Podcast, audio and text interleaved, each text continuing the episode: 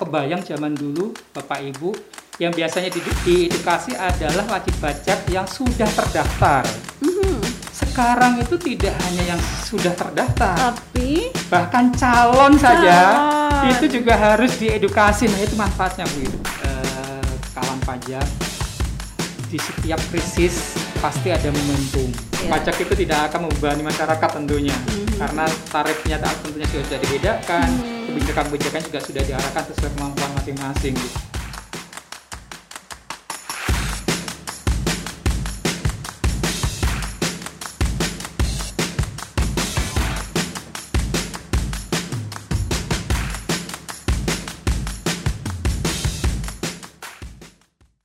Assalamualaikum warahmatullahi wabarakatuh. Kawan pajak semua bertemu kembali bersama saya Ida Laila. Kawan pajak semua kini tengah menyaksikan dan mendengarkan podcast katalog gue Kanwil DJP Banten. Tempat kawan pajak curhat, sharing, dialog, dan mengupas tuntas semua informasi kekinian tentang perpajakan termasuk peraturan-peraturan perpajakan terbaru bersama para tokoh, stakeholder, dan para pakar dari Kanwil Direktorat Jenderal Pajak Banten. Mengutip pernyataan Bill Gates, success today requires the agility and drive to constantly rethink, reinvigorate, react, and reinvent. Artinya, organisasi bisa dikatakan berhasil bila mampu beradaptasi dalam perkembangan lanskap ekonomi dan bisnis. Nah, prinsip yang sama juga berlaku bagi Direktorat Jenderal Pajak. Dalam hal ini terkait konteks administrasi perpajakan. Bersama kita kawan pajak podcast katalog gue Kanwil DJP Banten kali ini menghadirkan seorang penyuluh pajak di Kanwil Direktorat Jenderal Pajak Banten. Beliau adalah Bapak Agus Puji Priyono. Pak Agus apa kabar? Baik, alhamdulillah sehat semuanya. Iya, selamat datang Pak Agus di podcast katalog Kanwil DJP Banten. Kawan pajak semua, Pak Agus ini adalah seorang penyuluh pajak di Kanwil Direktorat Jenderal Pajak Banten yang diangkat sejak April 2021 kemarin. Tapi kawan pajak tidak perlu diragukan expert beliau di bidang perpajakan karena selain sebagai penyuluh pajak beliau juga adalah seorang dosen di beberapa kampus. Penyuluh juga itu sama-sama mengajar ya Pak Agus Betul, ya. ya, mengedukasi masyarakat. Mengedukasi Sama. masyarakat. Nah, lewat podcast katalogi Kanwil DJP Banten kali ini, kita pengen juga nih ngobrol dengan Pak Agus Puji Priyono untuk mendapatkan edukasi nih kawan pajak terkait informasi yang kini sedang rame lah di masyarakat nih terkait perpajakan tentunya ya. Nah sebelum itu kita bicara dulu tentang transformasi nih Pak Agus di Direktorat Jenderal Pajak gimana sih eh sepemahaman Pak Agus supaya bisa bercerita ke kawan pajak semua transformasi yang sudah terjadi di Direktorat Jenderal Pajak itu seperti apa? Wah, terima kasih Bu Ida. Selamat pagi gitu ya, kawan pajak semuanya. Bicara tentang transformasi organisasi atau kelembagaan di DJP ini memang tidak pernah berhenti Bu ya. Ya. 2002 itu adalah reformasi administrasi pajak yang pertama. Oke. 2002 hingga 2008 itu ada modernisasi perpajakan dari sisi organisasi juga. Kemudian gongnya 2008 tuh ada kebijakan namanya sunset policy. Oh, oke. Ya, jadi itu ya, Semua betul. apa namanya reformasi administrasi itu pasti ada gong akhirnya kurang lebihnya begitu. Yaitu 2009 hingga 2000 kurang lebih 15. It- atau 16 lah ya. Mm-hmm. Itu DJP lebih fokus kepada penataan organisasi di internal gitu ya, kemudian peningkatan pelayanan wajib pajak. Gongnya adalah kita tahu ada yang namanya amnesti pajak Oke. dan sebelumnya didahului dengan yang namanya kebijakan reinventing policy yaitu Nah, apa itu, Pak? penghapusan sanksi Iya. perpajakan sebelumnya tahun 2015. Nah, momentumnya berarti 2016 itu adalah sunset apa amnesti pajak Amnesti. hingga mendekati Maret 2017. Oke. Kita tahu itu paling sukses di dunia Untuk program tax untuk ya. program amnesti, amnesty, pajak. ya. Nah, kan harus berkelanjutan transformasi organisasinya, tidak berhenti sampai di situ. Nah, sekarang ini adalah reformasi terbesar malahan Bu Ida. Wah, ini malah lebih besar lagi. Kita nggak merasa gitu ya, Iya, tapi iya, ini iya. DJP melakukan tra- transformasi organisasi terbesar selama sejarah dari tahun 2002. Oke, apa itu Yaitu- Pak yang bisa bilang itu Nah, jadi terbesar itu? Pak? ini transformasinya dari 2017 nanti berakhir di tahun 2024. Oke. Momentumnya sangat banyak. Kenapa? Amnesty ini salah satu voluntary dari masyarakat sukarela patuh mau ikut amnesti perpajakan. Hmm. Pajak-pajak yang dulu tidak pernah dibayar dan sebagainya, kemudian hartanya dideklarasikan. Ya. Menjadi data dong tentunya ya. Betul, betul. Eh, kawan pajak semuanya buat DJP. 2017 hingga 2024 nanti akhir ending gitu ya. Sedang menyiapkan namanya siap Hmm, apa tuh Ya, siapa? itu kan. Bagus nih. sistem inti administrasi perpajakan yang berbasis digital, Bu. Oh, luar Karena biasa. Data kan banyak Iya. gitu ya. Sekarang eranya era digital, DJP pun juga tidak kalah untuk melakukan perbaikan secara administrasi perpajakan. Dengan adanya siap ini, harapannya tuh DJP akan seperti apa sih dengan data-data yang kita punya ya, itu? Bapak Ibu sekalian, reformasi tidak hanya bisa satu sisi saja Mm-hmm. gitu ya. Berarti secara kelembagaan juga harus dirubah Bu. Ida. Yang dirubah adalah yang pertama masalah refocusing dari fungsi masing-masing kantor pelayanan pajak. Oke. Dibagi segmentasinya. Ada KPP besar gitu ya. Mm-hmm. Kemudian khusus, kemudian madya Ya. itu ditambah jumlahnya karena fokus kepada target penerimaan secara nasional untuk yang madya fokus kepada penerimaan regional Oke. menopang 80 sampai 85% persen penerimaan nasional Bu Ida. Nah, barusan Pak Agus Ya. sampaikan menambah kantor madya nih, kantor Betul. pajak madya ini sudah terjadi atau bagaimana nih kawan pajak biar Ya. tahu juga nih. Jadi Bapak kondisinya. Ibu yang kategorinya secara omset, pembayaran pajaknya besar Mm-hmm. begitu ya. Itu kemudian akan dilakukan dalam artian administrasi perpajakannya Mm-hmm. itu di KPP Madya dan KPP WP besar. Semua sudah Mei kemarin Bu ya. Mei 2021, 2021 ya. sudah dilakukan eh, alokasi perpindahan dari Hmm. mungkin dulu terdaftar di KPP Pratama dipindahkan ke KPP yang tadi sudah disebutkan. Nah, lalu Pak Agus apa fungsinya kalau gitu KPP Pratama? KPP Pratama lebih kepada pengawasan wajib pajak, Oke. kepatuhan, kepatuhan ya Bapak- eh, rekan-rekan, kepatuhan wajib pajak berbasis penguasaan wilayah. Oke. Nah, karena apa? Demografi Indonesia sangat majemuk. Iya. Kemudian geografi Indonesia dari Sabang sampai Merauke Luas banget luas ya. sekali. Nah, itu perlu penguatan fungsi KPP Pratama. Selain ada pengelolaan WP yang strategis juga, Bu Iya. Ida, untuk menopang penerimaan secara lokal, tadi kan nasional, regional, Regional, lokal. lokal. Nah, ditambah penguasaan wilayah dari KPP Pratama setempat. Nah, ini ditambah lagi yang sangat luar biasanya Bapak Ibu sekalian, misi dari DJP menambah satu hal yang menurut saya menarik ya, Mhm. yaitu adalah pasti ya meningkatkan kepatuhan wajib pajak. Betul. Melalui apa? Ternyata ada satu fungsi yaitu melalui edukasi dan pengawasan yang efektif. Ada kalimat edukasi, Bu Ida. Edukasi ya. Dulu tidak pernah Betul, betul. terfikirkan gitu ya. Semuanya itu lewatnya pengawasan saja Iya. dan kemudian penegakan hukum secara adil. Iya, Ini iya. ditambah satu lagi. Kenapa? Karena self assessment itu rohnya ada di Bapak Ibu bisa melaksanakan kewajiban dengan benar. Nah, betul. Dan caranya gimana? Harus teredukasi, Paham, teredukasi harus dengan paham. baik ya. Nah, makanya ada penyuluh-penyuluh Iya, nah itu makanya ini. kemudian dirubah lagi fungsi-fungsi di DJP, Iya, iya. ditambah penyuluh-penyuluh Bapak Ibu yang belum paham gitu ya. Silahkan hubungi fungsional penyuluh yang ada di KPP Bapak Ibu terdaftar.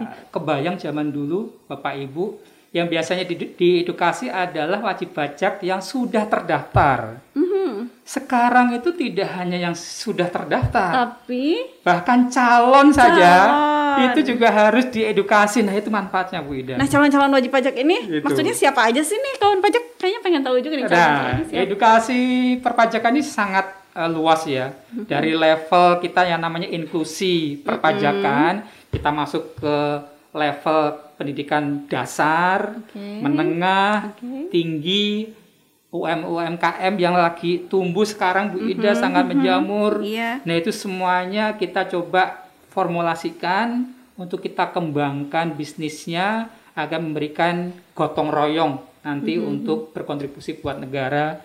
Makanya DJP juga mempersiapkan itu ya Pak program-program iya. inklusinya itu ingin eh, Indonesia itu nanti generasi-generasinya itu menjadi generasi yang sadar pajak gitu ya. Betul, Bu. Wah.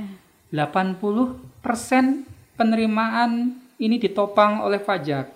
Bapak Ibu yang sudah divaksin, Bapak Ibu yang selama ini menerima insentif Semuanya pasti dari dari pajak, pajak, ya. Bu.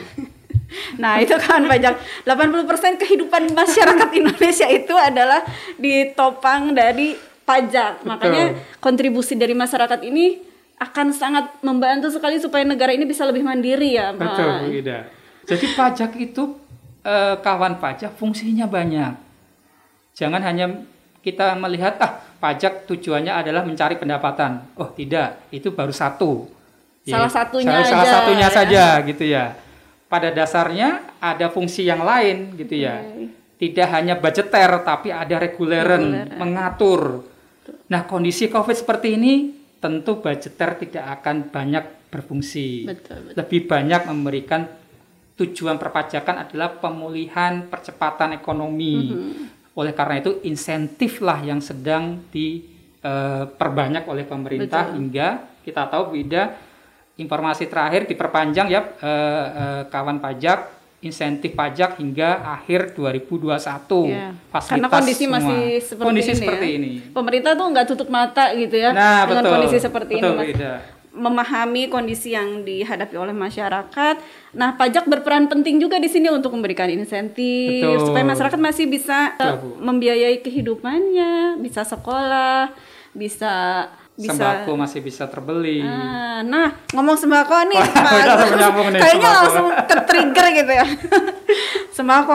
Ini kayaknya nih Pak Agus nih sebagai seorang penyuluh pajak mestinya juga sudah eh, aware banget nih masyarakat sempat nih beberapa waktu terakhir juga kawan pajak mungkin juga sempat lihat lah di media sosial, mungkin di TV, mungkin melalui apa pun lah medianya informasi atau isu lah, isu tentang Iya. Kok katanya apa DJP ini katanya ngasih insentif, katanya peduli sama masyarakat. Tapi kok ada isu bahwa sembako akan dikasih dipajakin juga gitu Pak Agus. Ini seperti apa sih sebetulnya isu ini? Iya, kawan pajak. Reformasi pajak itu ada dua sebetulnya ya. Yang pertama adalah reformasi administrasi Oke. yang di awal tadi kita bicarakan. Yang kedua adalah reformasi kebijakan. Hmm. Nah, itu harus menyatu. Kalau tidak menyatu tidak bisa menyelesaikan eh, permasalahan di lapangan. Nah, pemerintah ini sedang sebetulnya belum ada pembahasan Bu ya tentang RUU KUP. Hmm. Yang perlu kawan pajak pahami adalah setiap tanggal 20 Mei Oke. itu pemerintah punya kewajiban memberikan kerangka ekonomi makro dan pokok-pokok kebijakan fiskal kepada anggota dewan. Oke. Makanya ramenya baru sekarang Bu Ida. Betul. Karena tanggal 20 Mei itu pemerintah memberikan kerangka ekonomi makro untuk tahun depan. Iya. Mau ngapain saja nanti ini 2022. Iya. Nah, muncullah yang namanya RUU KUP, salah satunya di situ terinformasikan ada sembako. Mhm. Pertanyaannya adalah apakah ini semua sembako akan dikenakan PPN kan gitu Iya Bapak nih Ibu? hebohnya karena itu oh, sembako Ya. tuh kan orang sudah pikir sembilan bahan pokok Ya. untuk belinya aja sekarang kemampuan ekonominya sulit gitu kan tiba-tiba harus dipajakin nah ini mesti clear nih Pak Agus Ya, nih nanti ada pendidikan, ada kesehatan juga. Wah, tambah rame ini, Bu. tambah rame. Nah, baru sembako, tambah kesehatan, tambah pendidikan. Jadi intinya begini, Bu Ida. Tadi kalau kondisi normal pemerintah budgeter dari 2019 ya lah ya. 2020-2021 fungsi regulernya mendominasi. Betul. Harapannya 2022 kondisi sudah mulai stabil kalimatnya Bu ya eh, rekan pa- kawan pajak stabil kondisinya. Amin, semoga ya. Gitu kan? Iya, betul. Kondisi stabil gitu ya. Nah, di situlah pemerintah punya peran melakukan yang namanya redistribusi perpajakan dari mohon maaf kalangan mampu kaya ke kalangan yang memang tidak mampu. Mhm. Inilah saatnya 2022 tentunya tidak mungkin pemerintah akan menarik pajak dari yang kurang mampu sebetulnya. Iya. Nah, muncullah sembako tadi. Selama ini sembako kita mau beli di mana saja, jenisnya apa saja, siapa yang beli, kalau memang semuanya itu penghasilannya tentunya tadi ya ada yang kalangan atas, men- menengah dan bawah akan dikenakan harga dalam artian tidak ada PPN-nya sama sekali Bu Ida. Oke. Pertanyaannya pertanyaannya adilkah? Hmm, oke. Yang mengkonsumsi beras premium Betul. basmati misalkan ya harganya mungkin per kilonya ada yang sampai 200 ribu, 100 ribu gitu ya. Adil tidak? Itu tidak dikenakan pajak semua. Ya. Nah, pemerintah mencoba melakukan ekspansif di situ lah, Bu. Artinya, oh banyak pengecualian yang kurang tepat, sasaran. Ah, iya. Jadi selama ini yang menikmati pengecualian-pengecualian pajak ini ternyata bukan eh, cuma kalangan yang memang berhak untuk menikmati itu Nah, gitu ya. ini Banyak yang seharusnya mereka berpartisipasi dong gitu bayar pajaknya Betul. gitu ya. Oke, karena punya kemampuan. Punya kemampuan lebih. Iya, gitu. oke. Tentunya sekali lagi berdasarkan dari catatan Bank Dunia Hmm? itu hampir 60% kalangan yang di, ada di Indonesia itu adalah kalangan menengah dan menuju ke menengah, Bu.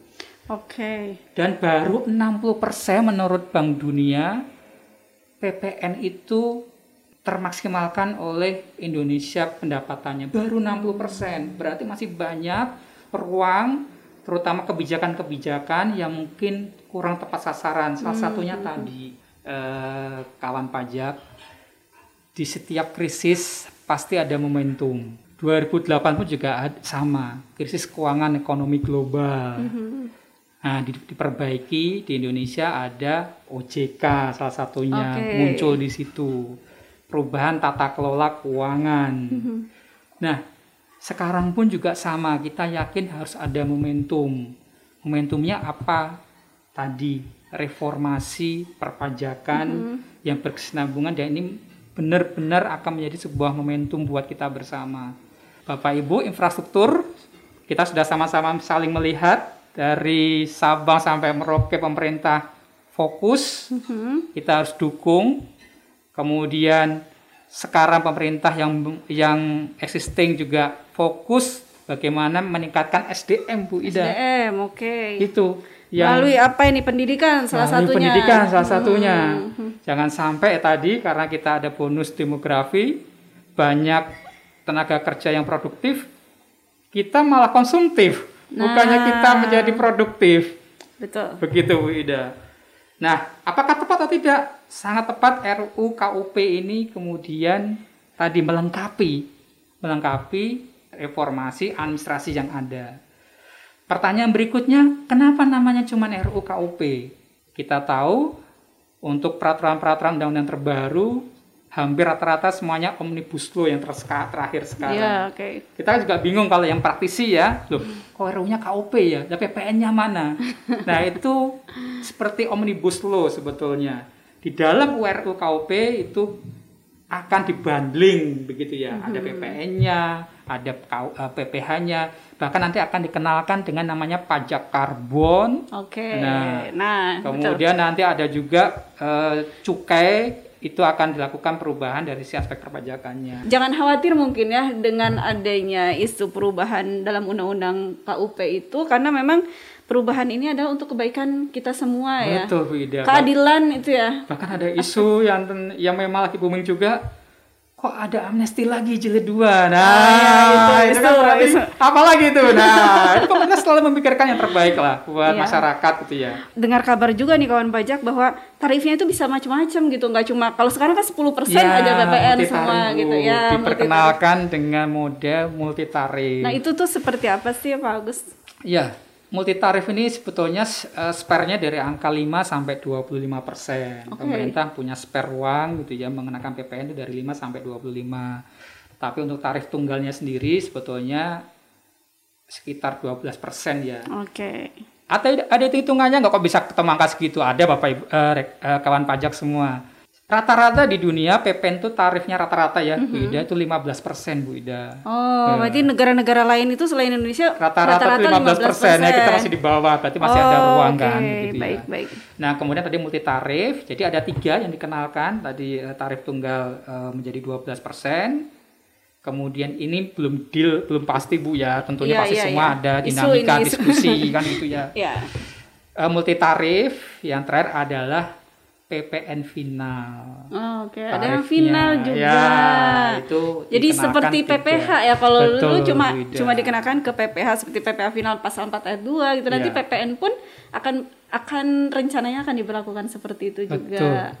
Karena memang itu prinsipnya untuk keadilan tadi itu ya. Nah, kayak tadi seperti apa namanya barang-barang yang mungkin sembako kategorinya premium, ya sudah pasti tentunya tidak akan dikenakan tarif yang normal. Oke. Mungkin dikenakan tarif entah 5% atau mungkin di bawah 5%. Mm-hmm. Makanya di ruang buka, dibuka ruangnya itu tarifnya multi tarif tadi Bu Hmm, Ida. tergantung dari produk Karena jasa. kalau tarifnya tunggal pasti nanti nggak adil lagi. Betul. Karena jenis barang kena pajak atau jasa kena pajak itu bermacam-macam. macam-macam. Oke. Dan ini pemerintah mencoba mendekatkan diri ke prinsip keadilan lah Bu Ida Oh, sebetulnya. oke. Tarifnya, objeknya, Betul. gitu ya. Jangan sampai ini eh, salah sasaran. Tentunya yang berubah atau yang kena yang kena dampak sekarang saya melihat semuanya Bu Ida. Oke. Tidak hanya wajib pajak yang terdaftar Bu Ida. Tadi saya sampaikan karena ada inklusi pajak begitu ya. Jadi pemerintah mencoba untuk betul-betul serius gitu ya.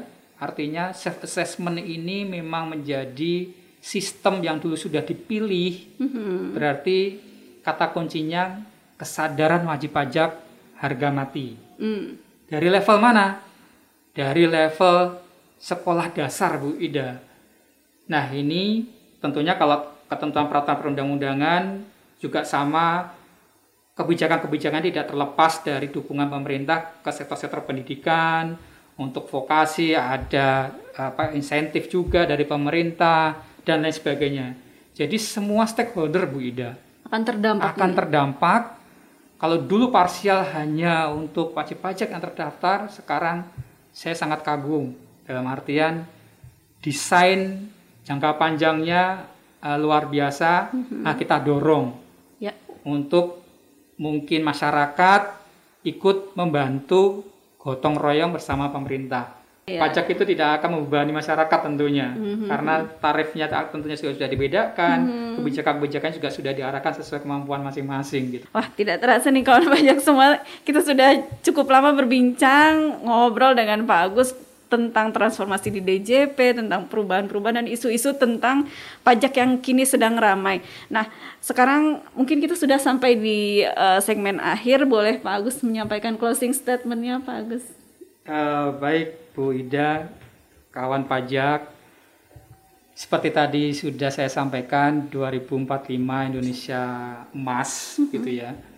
Harapan kita bersama apa yang kita lakukan hari ini dengan tadi nanti bonus demografi, usia yang produktif dan itu didukung dengan kesadaran membayar pajak Bu Ida secara sukarela Betul. ataupun secara kooperatif itu akan membawa Indonesia menjadi lebih baik ke depannya. Amin. Oke. Dan dukungan seluruh masyarakat mutlak sifatnya. Apa pun kita berjuang berkontribusi sesuai kemampuan masing-masing. Itu Bu Ida. Dan Oh. tentu bidangnya masing-masing tentunya ya. Betul. Begitu. Itu Bu Ida. Baik. Nah, demikian bincang santai kita pada hari ini. Terima kasih atas kesediaan bagus untuk sharing, untuk berbagi ilmu dan pengalamannya, dialog serunya, dan terima kasih juga sudah berbagi informasi-informasi terkini yang keren banget dari Direktorat Jenderal Pajak bagus. Kemudian terima kasih juga eh, sudah mengambil eh, peran penting nih sebagai seorang penyuluh pajak untuk memberikan edukasi kepada masyarakat, kepada kawan pajak semua.